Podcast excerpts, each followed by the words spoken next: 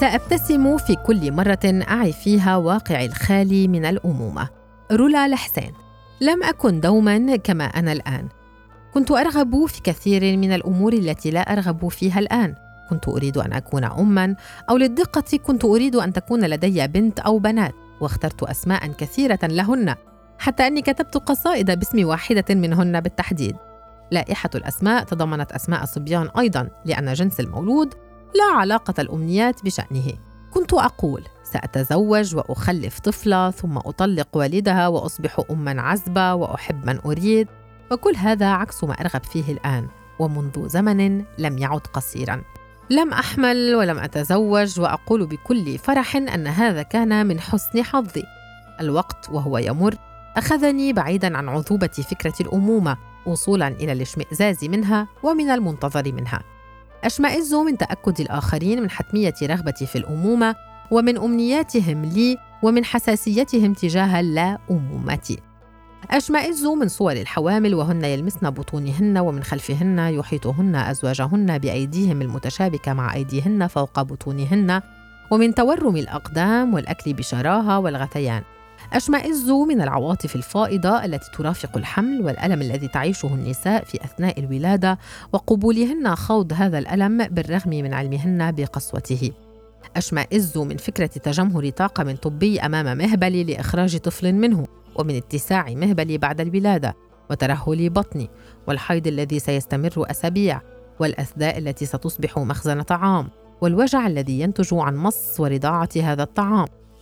أشمئز من زيارات ما بعد الولادة ومن كلمات الشكر بعد استلام كل هدية ومن الخراء المتكرر والبكاء المتكرر والتقيؤ المتكرر أشمئز من أن الأمومة كانت تتحكم بي لوقت طويل وستتجاهل رغباتي ومزاجي ولن تسمح لي بممارسة الجنس إلا وفق جدول يلائمها أولاً.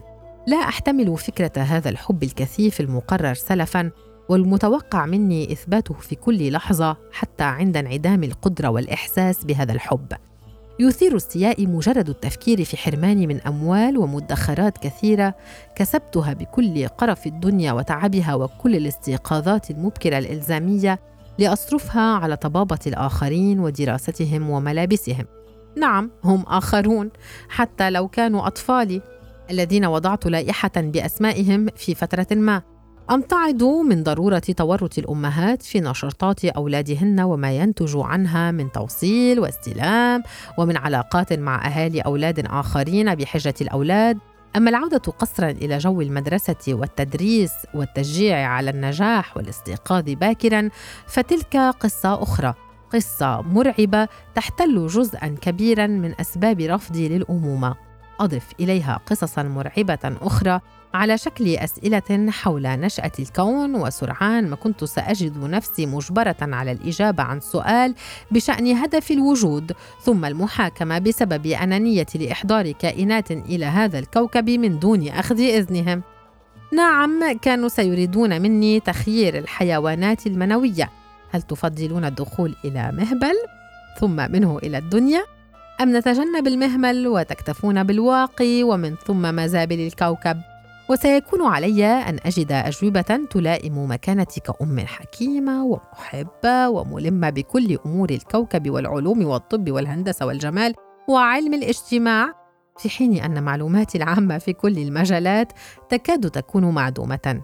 لا يمكنني استيعاب المجهود والصبر المطلوبين لتحمل كل أنواع الأسئلة الذكية والغبية وهواجس ضرورة الإجابة عليها بشكل دقيق.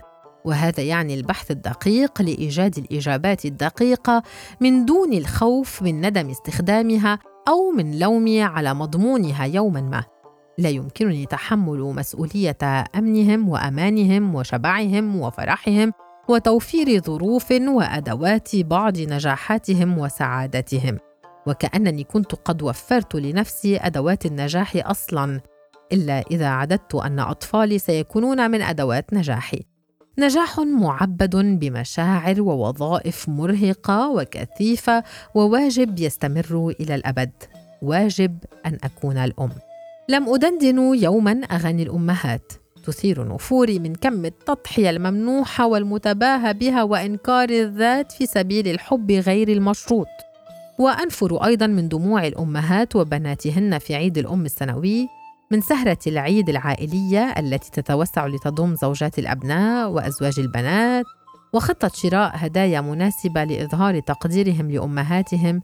هدايا مذيلة بعبارة ما في شي بيوفيك حقك أرفض أن أضحي بهذا الكم من بقية تفاصيل الحياة والوقت والمزاج والمشاعر وأرفض أن أقلق كل هذا القلق وأرفض حبا غير مشروط. أرفض أن أكون المرأة المنهكة في إعلانات أدوية وجع الرأس وإعلانات حليب الأطفال الذي يساعدهم على النمو وإعلانات معقمات المنازل ومسحوق الغسيل والصابون الذي يحمي أيديهم وعائلتي أرفض أن أصبح مرتهنة ومسلوبة ومحكومة من أطفال لدي سلطة أن أبقيهم حيوانات منوية غير ملقحة وتسبح في قنوات بعيدة عني لأني إن تخليت عن هذه السلطة سأسلب وأرتهن وأحكم لا محالة. أرفض أن أشحذ الراحة والوقت، وأرفض أن أقوم بدور الأم، وأرفض أن أقدم تضحيات الأمومة. أنا محظوظة جدا بأن العلاقات التي كان يمكن أن تؤدي إلى زواج أو حمل ومن ثم أمومة لم تستمر.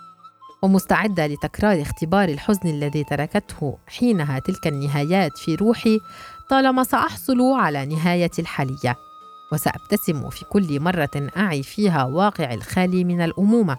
أعرف أن لدى الأمهات لوائح طويلة وصادقة في مديح الأمومة.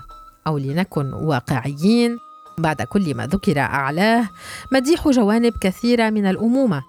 مشاعر لا أنكر روعتها لأني أراها وأسمع عنها من كل الأمهات من حولي. وأعرف أن المشاعر والأحاسيس التي تجتاح المرأة في أثناء الحمل وعند الولادة لا تتكرر ولا تشبه مشاعر أخرى. وأن مشاعر الأمومة تخفف كثيرا من وطأة وإرهاق واجبات الأمومة وتغير مجرى وأهداف وألوان الحياة لأصحابها. ولكنني أشكر كل الظروف التي أعاقت حصول أمر كهذا لي كي لا أصبح أسيرة هذه المشاعر والحب وكي لا تتغير أهدافي المرتبطة بي حصرا وإن كانت تافهة. قدرتي على الحب هائلة لكن لا يتوفر لدي مزاج يسمح بما يشترطه حب الأمومة من تفرغ لواجباته وقلق وحتى فرح. مزاجي لا يتقبل ديمومة سيطرة هذا الحب على عواطفي ووقتي ولا إلزامية تحضير الوجبات اليومية والتاكد من أن تكون ليس فقط لذيذة بل صحية أيضا. ولا أريد تحمل وزر التربية على بعض القيم وتمني أن تثمر. ولا أريد تحمل مسؤولية نتائج أفعال وأقوال أحد. أنا من معتنقي مبدأ errors and trials. وهذا ليس مذهبا تعتنقه الأمهات في أمومتهن. الطاقة على هذا الكم من الاهتمام والمتابعة والحضور أكبر مما يمكنني توفيره وأكبر مما أريد سلبه مني لتوفيره لمهام الأمومة ليست لدي القدرة على هدر هذا الكم من كل شيء لأجل الارتباط الأبدي المرهق بأمومتي بدءا من لحظة الولادة وحتى بعد أن تصبح لأطفالي في يوم ما حياة أوسع فأصير جزءا من اتساعها وصولا إلى أن أصبح جدة كيف أبقى امرأة بعد أن أصبح أما ثم جدة؟ أختار أن أكون فقط امرأة وأبقى فقط امرأة. وسأكتفي بمداعبة طفلة عندما أستلطف أحداهن ثم أعطيها لأمها لتبكي على كتفها. كيف أبقى أنا بعد أن أتخلى عن كسلي وأنانيتي ومزاجي؟ أختار أن أبقى أنا برغم فراغ مساحتي وكسلي في تعبئته. والأمومة ليست قدري. وهبة الأمومة العالمية التي من بإمكانية حصولي عليها وجود مهبل لي أهبها وأنا بكامل امتناني لمهبلي لمن ترغب بها وتتمناها.